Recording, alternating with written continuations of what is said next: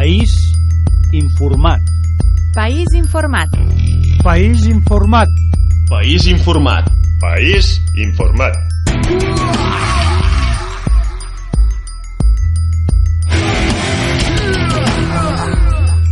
País informat.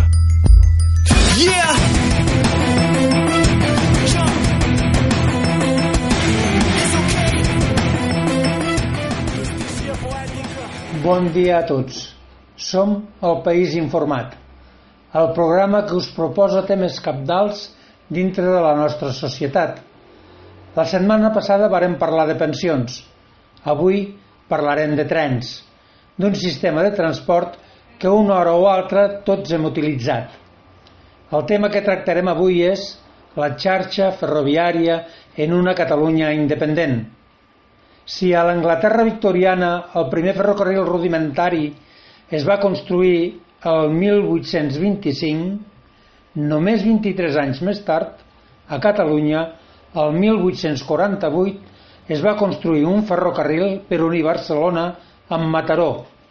Aquesta va ser la primera línia fèrria de la península. Tot el progrés assolit en els dos darrers segles es deu en bona part a l'invent de la màquina de vapor. El trànsit de mercaderies fet a damunt dels vagons que seguien el traçat de les vies va modificar i activar tot el comerç mundial. Les matèries primeres de les colònies es duien cap a Europa per transformar-les. Al 1863, als Estats Units, es va iniciar la construcció d'una línia fèrrea de 3.077 quilòmetres, la Pacific Royal Road, per unir la costa atlàntica fins al Pacífic. Podem ben afirmar que el ferrocarril està íntimament lligat al progrés. Sense anar més lluny, ben a prop nostre, es va construir el Carrilet, un tren de Manresa a Guardiola del Berguedà, amb un ample de via de 750 mil·límetres, que enllaçaria les colònies tèxtils de l'Alt Llobregat al 1885. S'inaugurà el tram Manresa-Porreig aquest mateix any. Dos anys després s'acabaria el tram entre Puigreig, Olban i Berga. L'objectiu d'aquesta via, a part de conduir passatgers, era portar fins a Manresa el carbó de les mines de fígols i també el textil que es manufacturava en tot el tram del Llobregat, per on passava el tren. A Catalunya, els industrials van ser els primers en apostar per l'ús de les màquines de vapor i tenir un transport segur i ràpid. Avui, aquí a Ràdio Sant Pedó, volem parlar de la nostra xarxa. Els trens del segle XX anaven a una velocitat mitja de 60 o 80 km hora. Actualment poden anar a més de 200 km hora. Les màquines són elèctriques. El tren de vapor ha desaparegut. Llavors, el primer que ens ve de preguntar és una nació com Catalunya té la xarxa ferroviària que li convé per la seva activitat econòmica i comercial?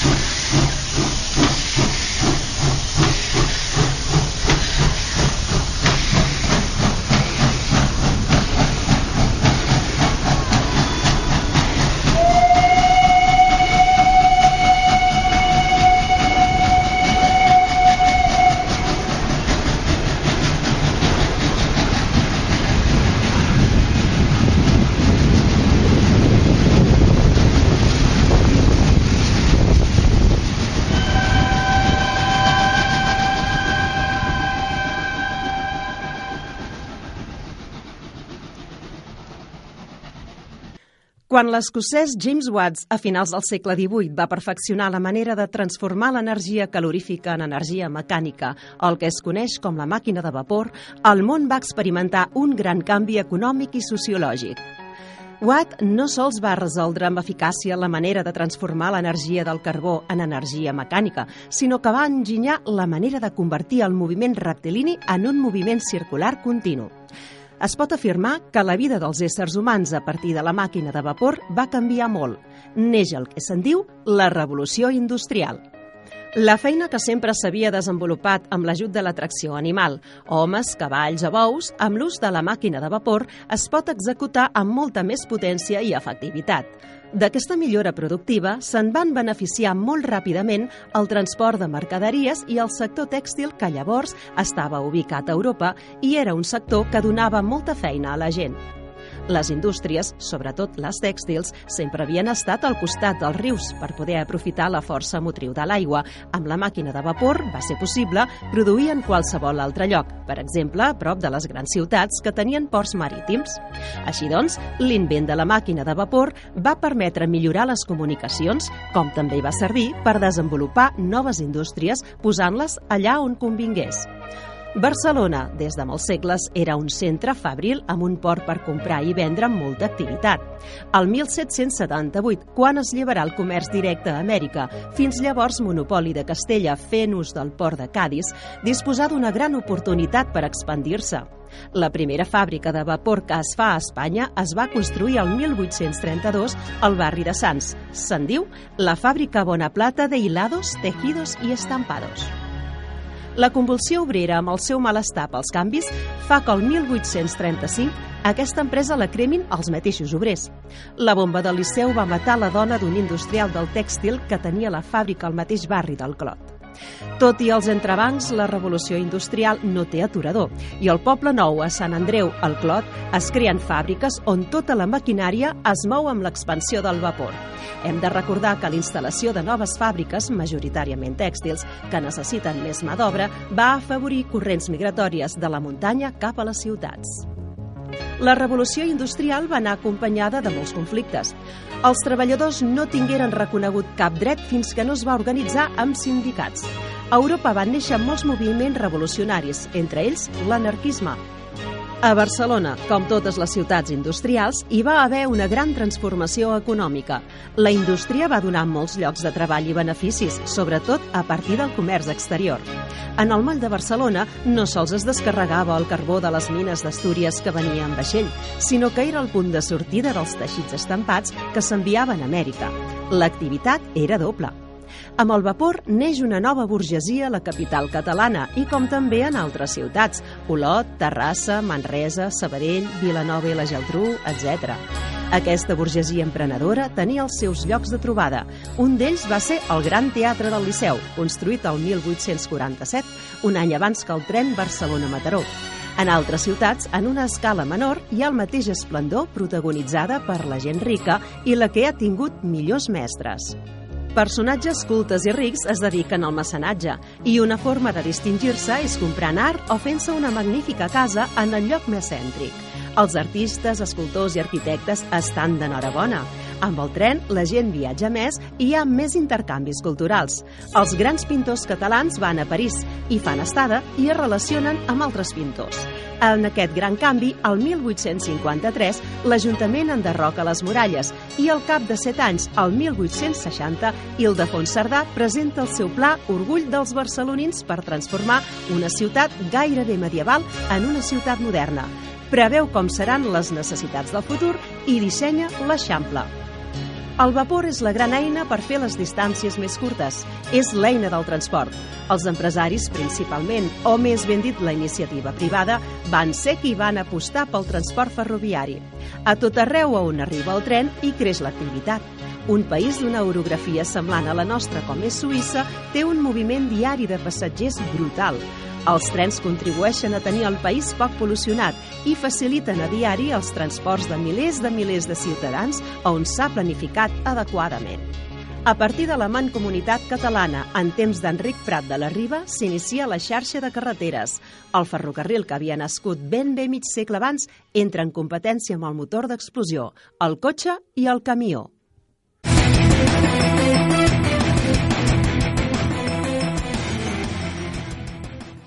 Senyor Aleix Marí, benvingut al nostre programa País Informat. Gràcies. Vostè ha estat maquinista i té un postgrau universitari en enginyeria ferroviària, tenim entès. Correcte. Mm -hmm. Gràcies per acceptar la nostra invitació, doncs. Uh, tinc entès també que a vostè vocacionalment li agrada tot el que està relacionat amb el transport ferroviari, té molta experiència en aquest camp. Han fet el que s'ha pogut. He tingut la sort d'anar d'anar a parar a la professió que des de petit volia fer. Per tant, en aquest sentit em considero un privilegiat. Afortunat, sí, sí. El 1848, fer el trajecte Barcelona-Mataró tardava una mica més que el que, que es tarda ara. Quan tardava? El 1848, sí, cert. El segon ferrocarril de l'estat espanyol, perquè el primer va ser a Cuba, quan era una colònia espanyola. De Barcelona a Mataró es trigava aproximadament una hora. I ara? I ara, segons els horaris que té penjats la Renfe a la web, es triga aproximadament 50 minuts. Hem guanyat 10 minuts. Però tinguem en compte que es fan més parades i les parades penalitzen el temps de viatge i que el recorregut és una mica més llarg. Uh, originàriament se sortia de prop de l'estació de França, directament seguint la costa, ara se surt des del centre de Barcelona o depèn d'on ho comptem, des de Sants fins i tot. -huh. L'ample de la via, aquest any, 1848, era el mateix que l'actual? Era el mateix que l'actual, sis peus castellans, per ser exactes, 1.668 mil·límetres, que van ser, van ser definits per l'enginyer en cap de la cort, un senyor que es deia Supercase, que va fer un informe en el que deia que les calderes de les locomotores de vapor podrien ser més grans, que a la resta d'Europa, que es feia servir el que ara ja és l'ample unificat, l'ample internacional que es diu, i allò va ser la condemna del ferrocarril ibèric, perquè Portugal no ha tingut altre remei que adoptar el mateix ample de via, ha estat la condemna de no poder tenir relacions internacionals per, per ferrocarrils sense parades a la frontera, parades importants. Mm -hmm. Com és que Espanya té un ample de via que no és l'europeu? Doncs precisament per aquesta decisió perquè mm. aquest senyor va decidir que les calderes de les màquines de vapor, donada la geografia ibèrica mm, més accidentada, fossin més grans, poguessin produir més vapor. Mm. Eh, hi ha la llegenda eh, que diu que era per estratègia militar. No, no. Mm -hmm. Què i qui va impulsar la construcció de trens de via estreta? Per exemple, el d'Olot a Palamós o el de Berga Manresa o el que anava fins a Caldes de Montbui? A veure, no només els de via estreta, perquè la xarxa de via ampla també. Tot va ser iniciativa privada d'empresaris catalans. Evidentment, van haver d'anar a buscar capitals a fora, vull dir, el, el, uh -huh. que ara és la línia de Llobregat a Noia de Ferrocarrils de la Generalitat es va construir en capital belga, en bona part. Vull dir, els empresaris de, de tot el Llobregat, fonamentalment tèxtils o el carbó de, del Llobregat Nord, de Fígols i la zona de Cercs, doncs van ser ells els que van impulsar la construcció d'aquests ferrocarrils. Igual que el de Sant Joan de les Abadesses va ser una iniciativa privada per treure carbó d'Ugassa, igual que, que tants altres. Mm -hmm. Igual que el tren de Mataró, que hem començat parlant, que l'alternativa... Eh, es podia viatjar de Barcelona a Mataró de dues maneres, o en carro o en vaixell. I el tren, evidentment, va suposar que el temps de viatge fos inimaginable per l'època. Aquests trens de via estreta et deixaven quasi davant de casa o al mig del poble, com el cas de Balsareny, de Navàs, de Porreig, de Gironella, això molt abans que la carretera. Clar, aquests trens, els de via ampla, evidentment per les seves característiques, necessiten un camí propi, amb, més, més exclusiu.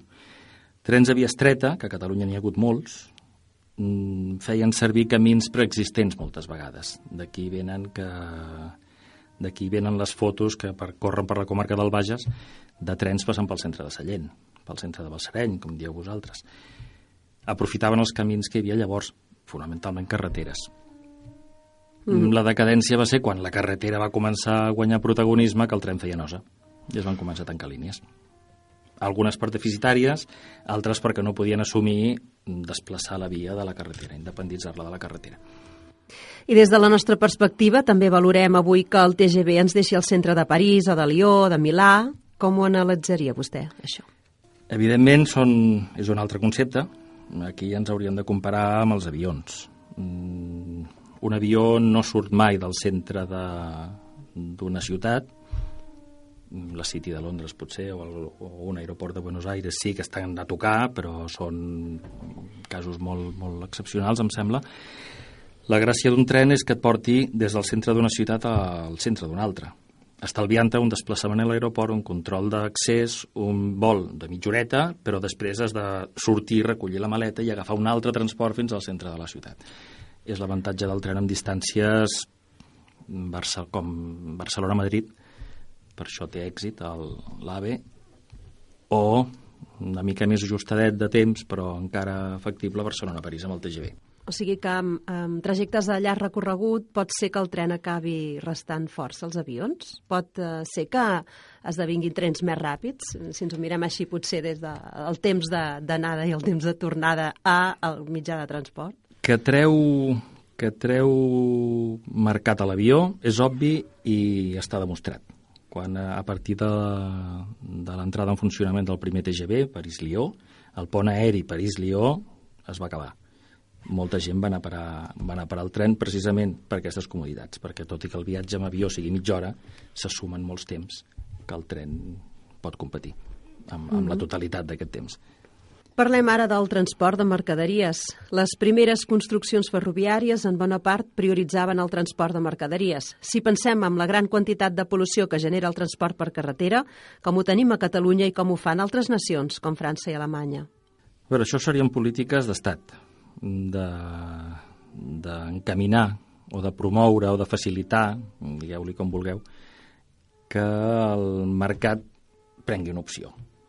El a la península ibèrica el camió ho té molt més fàcil que no pas el ferrocarril. En altres llocs d'Europa, mmm, què fan? Mm, a Suïssa, per començar, no deixen passar camions en trànsit, són molt llestos. Però llocs com França tenen autopistes ferroviàries, diguem-ne, que són trens de plataformes que els camions van al damunt. Arriba el camió a una terminal, s'embarca damunt del tren, fa el viatge amb el tren, desembarca el camió i fa el trajecte de proximitat. Un exemple que tenim nostrat, pròxim, vull dir, els ferris que surten de Barcelona a Gènova o a Roma, trajectes que es podrien fer per terra van plens de camions. S'estalvien peatges, s'estalvien combustibles, s'estalvien s'estalvien molts costos i molts riscos per, per, pel fet de, de viatjar en vaixell. I quines empreses destacaria que avui en dia utilitzin el transport ferroviari de mercaderies a casa nostra? Vejam, n'hi ha unes que tinc entès que estan obligades per llei, que són segons quines mercaderies perilloses. Mm, no sé si recordeu l'accident d'un camió al càmping dels Alfacs fa mm -hmm. 30 fa anys o més, no, no recordo exactament, als anys 80 crec que era, D'allà ja es va començar a parlar d'encaminar de, mercaderies perilloses cap al ferrocarril perquè, evidentment, és molt més segur que la carretera, les estadístiques canten. Empreses que poden optar? Doncs hauríem de mirar les empreses que transporten grans volums. Les mines del Bages, per exemple, són un exemple. Mm eh, un tren que pugui portar 1.000 tones de sal, doncs dividiu per 35 i sortirà el número de camions que les han de dur. Per tant, és molt més pràctic ecològic i segur que ha de ser més barat, eh, els costos han de ser molt menys d'enviar-los per ferrocarril a aquestes mercaderies que no pas que no pas per carretera. Això sí, mercaderies al detall, paqueteria, l'empresa que ha d'enviar un contenidor a la setmana, doncs evidentment el ferrocarril, avui en dia, tal com està plantejat, no li surt rendible. Uh -huh. I el que entra pel port, quina part es posa damunt dels vagons? Uh, les dades que jo tinc és que entre un 10 i un 15% de les mercaderies que passen pel port, només entre un 10 i un 15% viatgen en ferrocarril. Van del vaixell al tren o al revés. Clar, Barcelona els accessos que té el port per ferrocarril són molt limitats, per carretera també, però, però se'ls aprofita més. Mm -hmm. Vejam què passa ara amb les noves terminals de, ferrocarril, de mercaderies per ferrocarril que volen fer aprofitant la, la desviació del riu Llobregat a, a baix, al, al delta del Llobregat. Vejam si això impulsa el, el transport per ferrocarril. Ara bé, ens trobem amb el problema de l'ample de via que dèiem al principi. L'ample de via europeu arriba al port de Barcelona, arriba una via, potser n'haurien d'arribar més per poder treure la quantitat de trens que si allò s'explota amb ganes, si, si, si es prioritza el ferrocarril allà, necessitaríem, necessitaríem molta més capacitat a la que tenim ara mateix. Sí, que Catalunya, que porta prop d'un 20% de l'economia estatal, no hauria de tenir una terminal prop de Barcelona o al mateix moll, com la que han fet els francesos al Boló? Sí, la terminal aquesta que feu referència m'imagino que és la de l'autopista ferroviària, la dels camions, que, que hem dit abans. Sí, eh, que, que el, això és, una, és un tren, és una llançadora, és un servei comercial que va des de, des de Calais, des del nord de França, fins al Boló, a la frontera entre els estats francès i espanyol. Que aquesta línia arribés a Barcelona seria magnífic ens estalviaria molts camions per les autopistes de les comarques de Girona. Mm. I col·lapses de camions als accessos al port de Barcelona, també, que d'haver n'hi n'hi ha. I tornant al transport de passatgers i al calvari diari dels usuaris, existeix calvari. una possible solució? Aquí hauríem d'entrar en un altre tema, que és l'exigència que, es, que, que es troba al ferrocarril. Eh, la gent no es queixa de les cues d'entrar a Barcelona a les 8 del matí per l'autopista la, per perquè són normals Uh -huh. També hauríem de tenir present que ens, ens en recordem de Santa Bàrbara quan trona. quan els trens van bé ningú diu res. Que podem parlar que van plens? Sí, cert, que podem... Però clar, la notícia és que quan un tren s'atura, eh, allò es col·lapsa tot. A veure, certament hi ha un problema de capacitat. Els túnels de Rodalies a Barcelona estan molt saturats, tant el de plaça Catalunya com el de Passeig de Gràcia, els que uneixen els dos extrems de la ciutat. Sants amb Sagrera Sant Andreu. Caldria reordenar el trànsit de trens desviant algun. Un dels projectes que hi ha, això es va dir en, una, en unes ponències que, que es van fer al Col·legi d'Enginyers de Camins no fa gaire temps, és desviar la línia de Terrassa cap al túnel de Passeig de Gràcia, en lloc de fer-lo passar per plaça Catalunya. Això descongestionaria plaça Catalunya, de manera que una incidència no repercutiria en cadena a tots els trens que li venen darrere. Una altra opció que una altra prestació que donaria desviar la línia de Manresa, Terrassa, Sabadell cap al túnel de Passeig de Gràcia és que en un futur uniria la línia de Rodalies més, amb més demanda, que és la de Manresa, Terrassa i Sabadell cap a Barcelona, uniria aquesta zona tan poblada amb les dues estacions d'alta velocitat de Barcelona, que a la llarga han de ser Sagrera i Sants, amb la possibilitat que de Sants anés a l'aeroport. Per tant, tindríem una connexió de les zones més poblades de Catalunya amb l'aeroport i amb les estacions d'alta velocitat. Quan això es faci, mmm, vejam què passa. Un altre problema de capacitat el presenta els sistemes de senyalització. Avui en dia, mmm, els trens estan protegits pel sistema ASFA, el sistema ASFA l'única cosa que fa és repetir a la cabina la indicació dels senyals. Si el maquinista no respecta el senyal i actua sobre un reconeixement que té aquest aparell, el tren s'atura. Mm, problema, que l'ASFA va de senyal a senyal. Hi ha sistemes més moderns amb moltes més prestacions que augmentarien la capacitat permetent que els trens anessin més junts els uns amb els altres, que seria l'RTMS, que és el, el sistema que es fa servir amb l'alta velocitat, que és un sistema unificat europeu que permetria circular sense senyals. Els trens necessiten els senyals per mantenir-se a una distància de frenat suficient els uns als altres, perquè hem de tenir en compte que un tren necessita una distància molt gran per aturar-se. Mm -hmm. Quan tot això estigui en marxa, vejam. Plantegem si en una Catalunya independent Manresa no podria ser el centre de les connexions est-oest i nord-sud per no concentrar-ho tot a Barcelona? Centre. Mm, per què no parlem de xarxa? Perquè, clar, si, si marquem un centre podem entendre una xarxa radial, com seria la xarxa mm, d'interès general ibèrica, la xarxa de la Renfe, per dir-ho col·loquialment.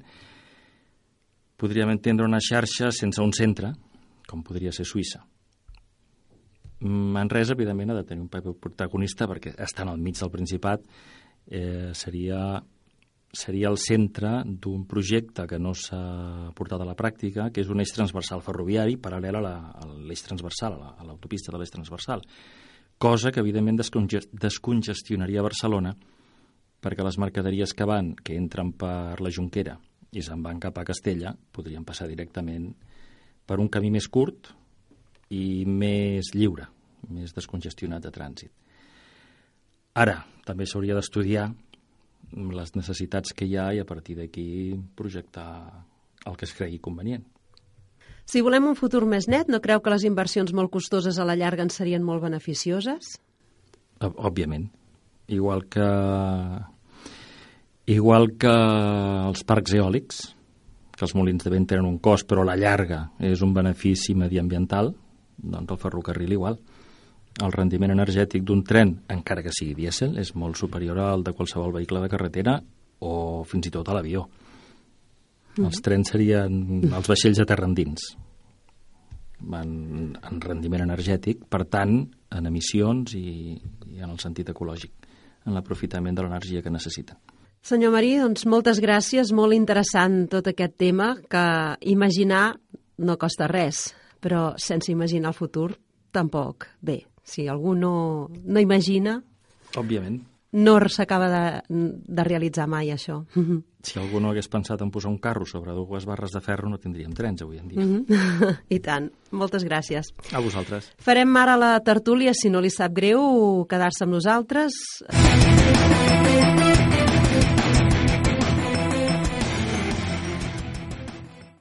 Agafa sovint el tren de la R4 per anar a Barcelona? No, Quina valoració fas dels trens en, en, com a transport? correcte, que, que està bé. Com a medi de transport està molt bé. Has viatjat mai fora d'Espanya en tren? No, La tecnologia actual permetria anar en tren de Manresa a Lleida en, en 30 i, o 40 minuts. Creus que millorar la mobilitat entre totes les capitals catalanes milloraria l'economia? jo crec que sí. En una Catalunya independent, què et semblaria més prioritari, mi- millorar el tren o l'avió? Uh, el tren, El tren. el tren. Has anat mai amb AVE? Sí, amb AVE he anat fins a Madrid i molt content. El servei molt bé, si està en dues hores estàs a Madrid i tot molt bé, molt correcte. Agafes el tren de l'R4 per anar a Barcelona? No, però si he anat d'un cop ha sigut a, per anar a Barcelona Sants, no sé si és l'R4 o no. I és tarda molt rato, molta estona. Quina valoració en fas? No m'agrada perquè estàs molt a prop de caure't a l'avió.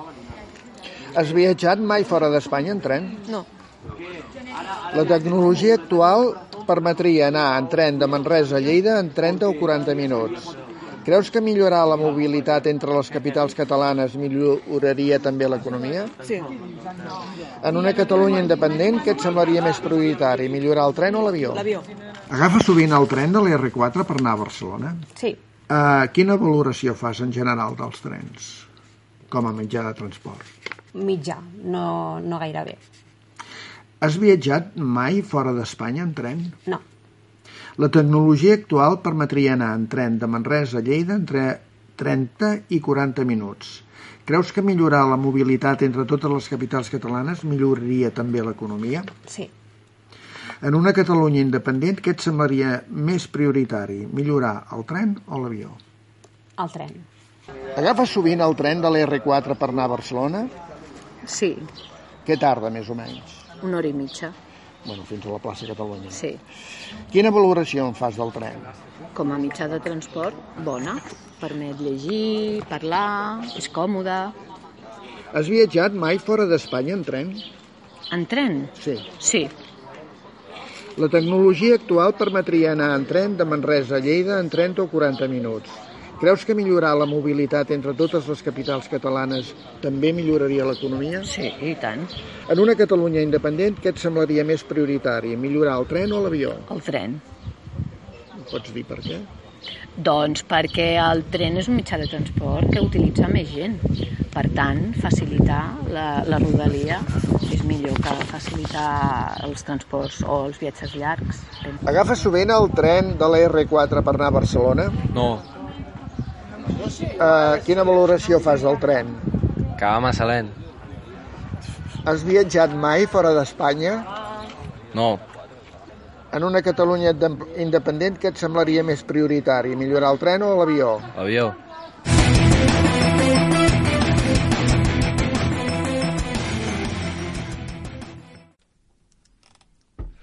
Hola, estem aquí per fer una tertúlia sobre el tema la xarxa ferroviària en una Catalunya independent. Eh, tenim el Pep Selga, advocat i amb mentalitat futurista, el Jordi eh, Valls, enginyer de camins, canals i ponts, i ports, i l'Aleix, que es va, ja va fer una explicació l'altre dia, ferroviari de tota la vida estudis, i amb estudis d'enginyeria ferroviària. Benvinguts. Gràcies. Gràcies. Uh, comencem fent una pregunta i és que qualsevol persona que hagi viscut el, així de prop el món dels ferrocarrils es preguntarà si actualment hi ha el mateix esperit emprenedor que hi havia al segle XIX quan un empresari era, va ser capaç de fer arribar el carbó de les mines de Fílgols fins a Manresa. Sí, bé, ara mateix seria interessant d'enllaçar les mines que tenim a les nostres comarques amb el, amb el port de Barcelona, que de fet ja s'està treballant amb, amb, una mica amb això, però bé, seria molt interessant que s'unissin esforços tant de, del sector empresarial com de l'administració, perquè un cop està feta la línia, que pot servir per alimentar uh, l'activitat econòmica minera, també es podria fer servir per altres usos, tant a nivell de transport de viatgers com, com altres mercaderies. Creus que en una Catalunya independent els, els empresaris que llavors van haver de posar diners a la seva butxaca avui ho faria l'administració més fàcilment? Uh, bé, evidentment uh, els criteris per posar recursos uh, sempre haurien de ser diferents de l'administració de, de, dels empresaris. No? Els empresaris uh, busquen uh, un, un benefici, uh, lògicament, uh, i l'administració sempre hauria de buscar doncs, tant, tant vertebrar el territori com, com, com alimentar la població amb, i igualar el, uh, doncs els recursos de la població visqui on visqui de, de les parts del territori. Em surt preguntar-te que si 40 anys de, dictadura franquista i una transició que ens ha retornat a una involució recentralitzadora ens ha pogut incapacitar per plantejar-nos un territori diferent del que tenim? Això us ho pregunto tots, eh? Ah, bé, jo en aquest cas diria que aquests 40 anys, a part de que han, fet una, han, han incidit sobre el país i sobre la seva psicologia, ens han situat en un canvi de temps, és a dir, el temps ha canviat. Abans has dit tu perfectament que hi havia una època heroica que el comte Olano, eh, el, el senyor Olano, que era el comte de Fígols, podia finançar i, i estructurar un ferrocarril pagant ell des de la seva butxaca, eh, els temps han canviat, és a dir, i en aquell moment, per dir-ho així, teníem un empresariat i una classe dirigent que era capaç d'estar als reptes de cada moment avui en dia, i aquí ve la, la resposta a la pregunta que has dit tu, la, estem en una època que l'administració pública intervé el 40% del PIB, del Producte Interior Brut. Per tant, no és que hagi canviat Catalunya, sinó que li han canviat les circumstàncies eh, públiques, polítiques i estratègiques i hem accedit a la nova era, com sempre, amb una mal davant i una al darrere. I no hem tingut les eines necessàries per poder afrontar els reptes que els nous temps eh, exigien per bé que un temps determinat, que és el temps heroic de Catalunya, eh, quan l'economia privada, la iniciativa privada ho agafava tot, vam tindre gent que va prendre grans iniciatives. Avui en dia seria inviable, crec jo, pensar que una empresa, una empresa privada pugui fer eh, infraestructures que són pròpies del sector públic, per bé que en altres àmbits, com és les autopistes, bé, ha sigut la Caixa i altra gent que ha fet el mateix que es va fer via concessió amb el tren, ho ha fet amb carreteres. Eh? Però, però, però són altres èpoques, crec jo. Però també afegir que en el sector ferroviari abans era iniciativa privada i aquesta pregunta ara potser no s'escau perquè el ferrocarril depèn exclusivament de l'administració pública. Sí. Això d'una banda. Després voldria corregir-te una cosa, Jordi. Sí. Les mines del Bages tenen connexió directa amb l'interior del port de Barcelona, mm -hmm. perquè això ho fan els ferrocarrils de la Generalitat, però amb sí. un problema. És una xarxa de via estreta no connectada amb, directament amb la xarxa ferroviària d'interès general, Sí. la qual cosa suposa són ruptures de càrrega. Uh -huh. Eh, un cop es carrega la sal i la potassa a les mines, l'única destinació possible per tren, ara mateix, directa, és el port de Barcelona. Uh -huh. I si s'ha de transbordar, va o a un vaixell, això vol dir descarregar el tren per carregar un vaixell o descarregar el tren per carregar un altre tren, cosa que també seria possible. I la iniciativa privada aquí és on ens guanya terreny, el ferrocarril, perquè les connexions eh, de més abast, de més àmbit geogràfic, s'han de fer per carretera si vols per força. -huh. Llavors aquí és quan es veu que l'esperit emprenedor Mm. en, altre, en el sector no ferroviari potser sí que té més tirada. Jo crec que, no, i això és que volia una mica explicar, ja ho hem dit que han apostat per altres, per altres línies i aquesta ha quedat, però sí que és cert i em sembla que la segona pregunta que has fet és, deies, si, si incidiria la Catalunya independent en una política ferroviària, Mm. jo crec que aquesta pregunta és determinant, perquè dius, què canvia d'una política independent amb una Catalunya independent a una Catalunya no independent? Primer punt, els recursos. Ara no treballem per nosaltres, per tant anem escassos de recursos públics. És ben que llavors, com ha dit, com ha dit l'Aleix, la inversió ferroviària ha de ser pública, hi haurien recursos per poder fer inversió. I segon, hi hauria la competència per executar la inversió amb llibertat estratègica. Ara no tens gaire llibertat estratègica. Per tant, quan ets sobirà tens llibertat estratègica i capacitat de, de, de, de, de, de, de, de recursos que generes invertir-los. Clar que dependria cada vegada del govern que pugés, que fos més favorable a una línia o a una altra, però la potencialitat hi seria, i això crec que és determinant per poder-se començar a plantejar ni podem fer una política ferroviària en el futur, perquè si no què farem? Farem el que estem fent, que Adif i Renfe seguiran fent el que fan, que no cal que ho, que, que, que ho expliquem, que és descapitalitzar el país i invertir en una altra banda. Llavors, pensant en una Catalunya independent, eh, no hauríem de millorar en primer lloc les relacions amb França per projectar-se al continent europeu i tot seguit fer de pont amb la Mediterrània africana que la tenim en el sur a poques hores de vaixell?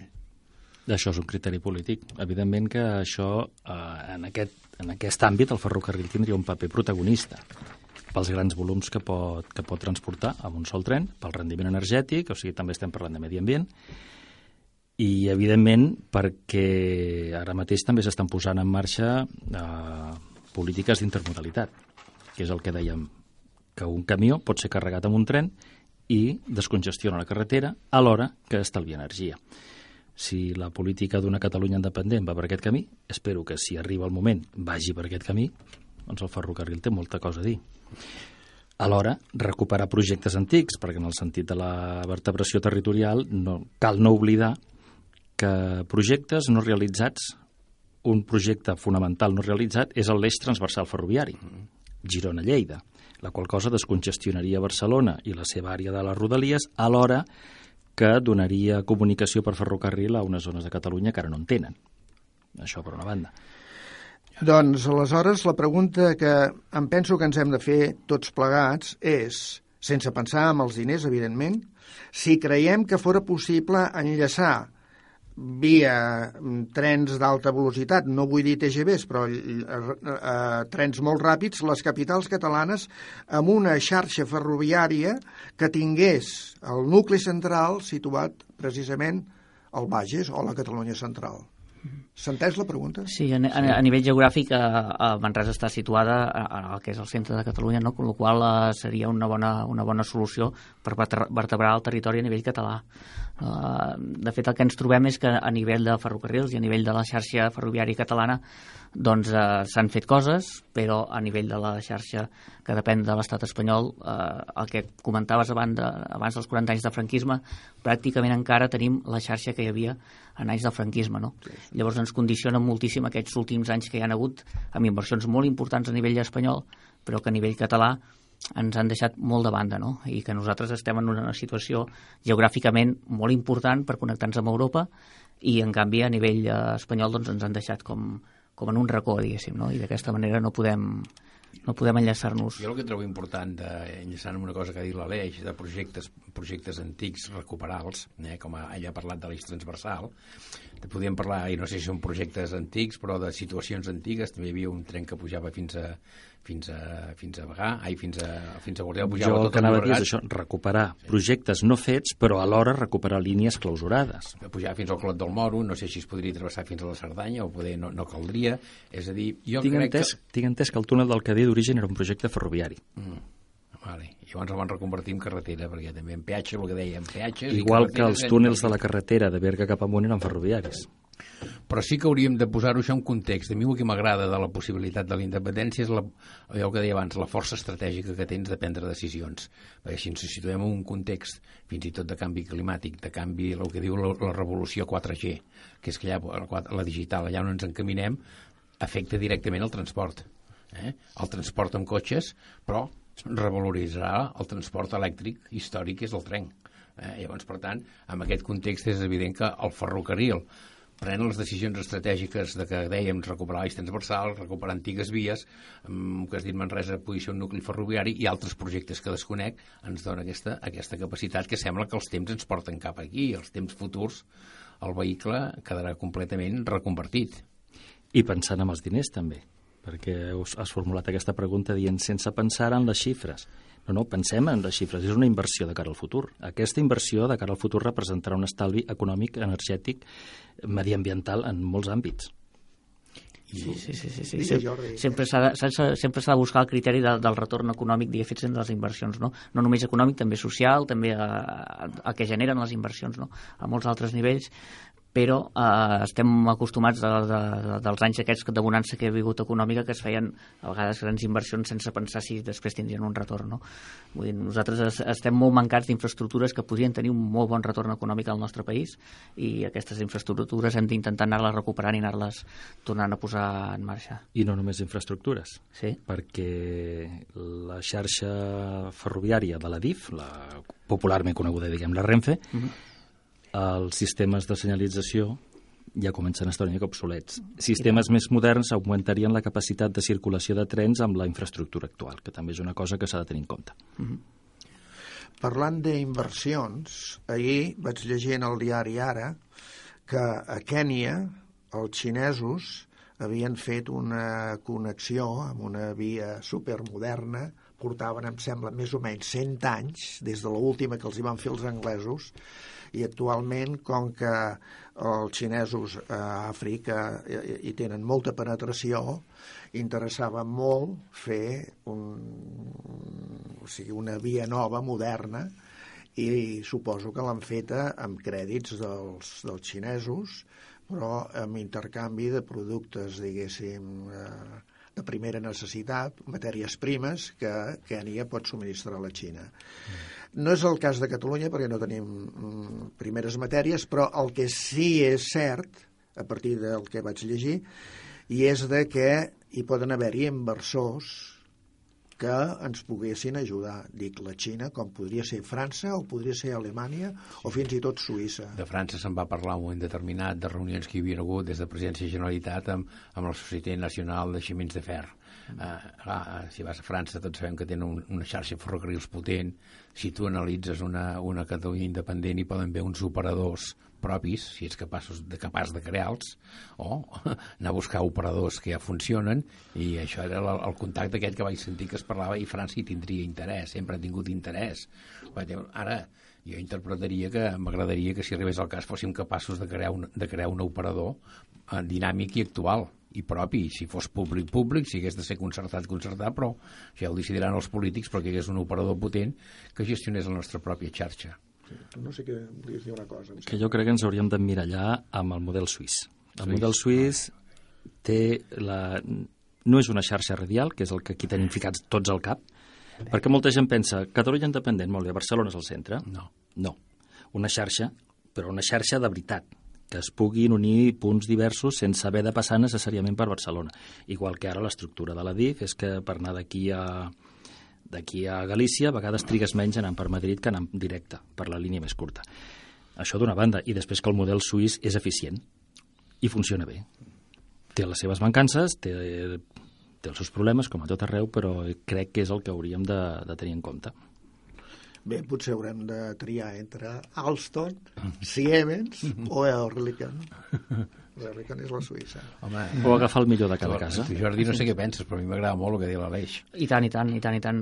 Nosaltres, a, a nivell català, sempre el tema de la centralitat de persones sempre l'hem portada des de comarques doncs, amb, amb certa buscant aquests, aquestes comunicacions en xarxa. No?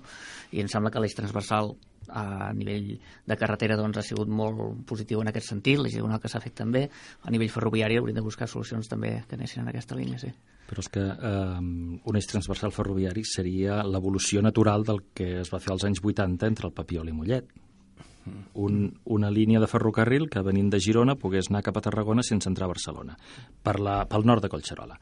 Clar, quan tot això es va saturant, el pas següent és fer la mateixa, la mateixa estratègia més amunt. Bé, ho deixem aquí. Uh, sabem exactament què és el que a Catalunya primerament li convé i llavors, doncs, potser seria interessant, no sé si d'aquí un any o d'aquí un parell d'anys, fer una missió com la d'avui i veure aviam si anem pel bon camí. A veure, on, so- a veure on som. Moltes On gràcies. hem arribat, eh? Moltes gràcies. A vosaltres. A vosaltres. A reveure.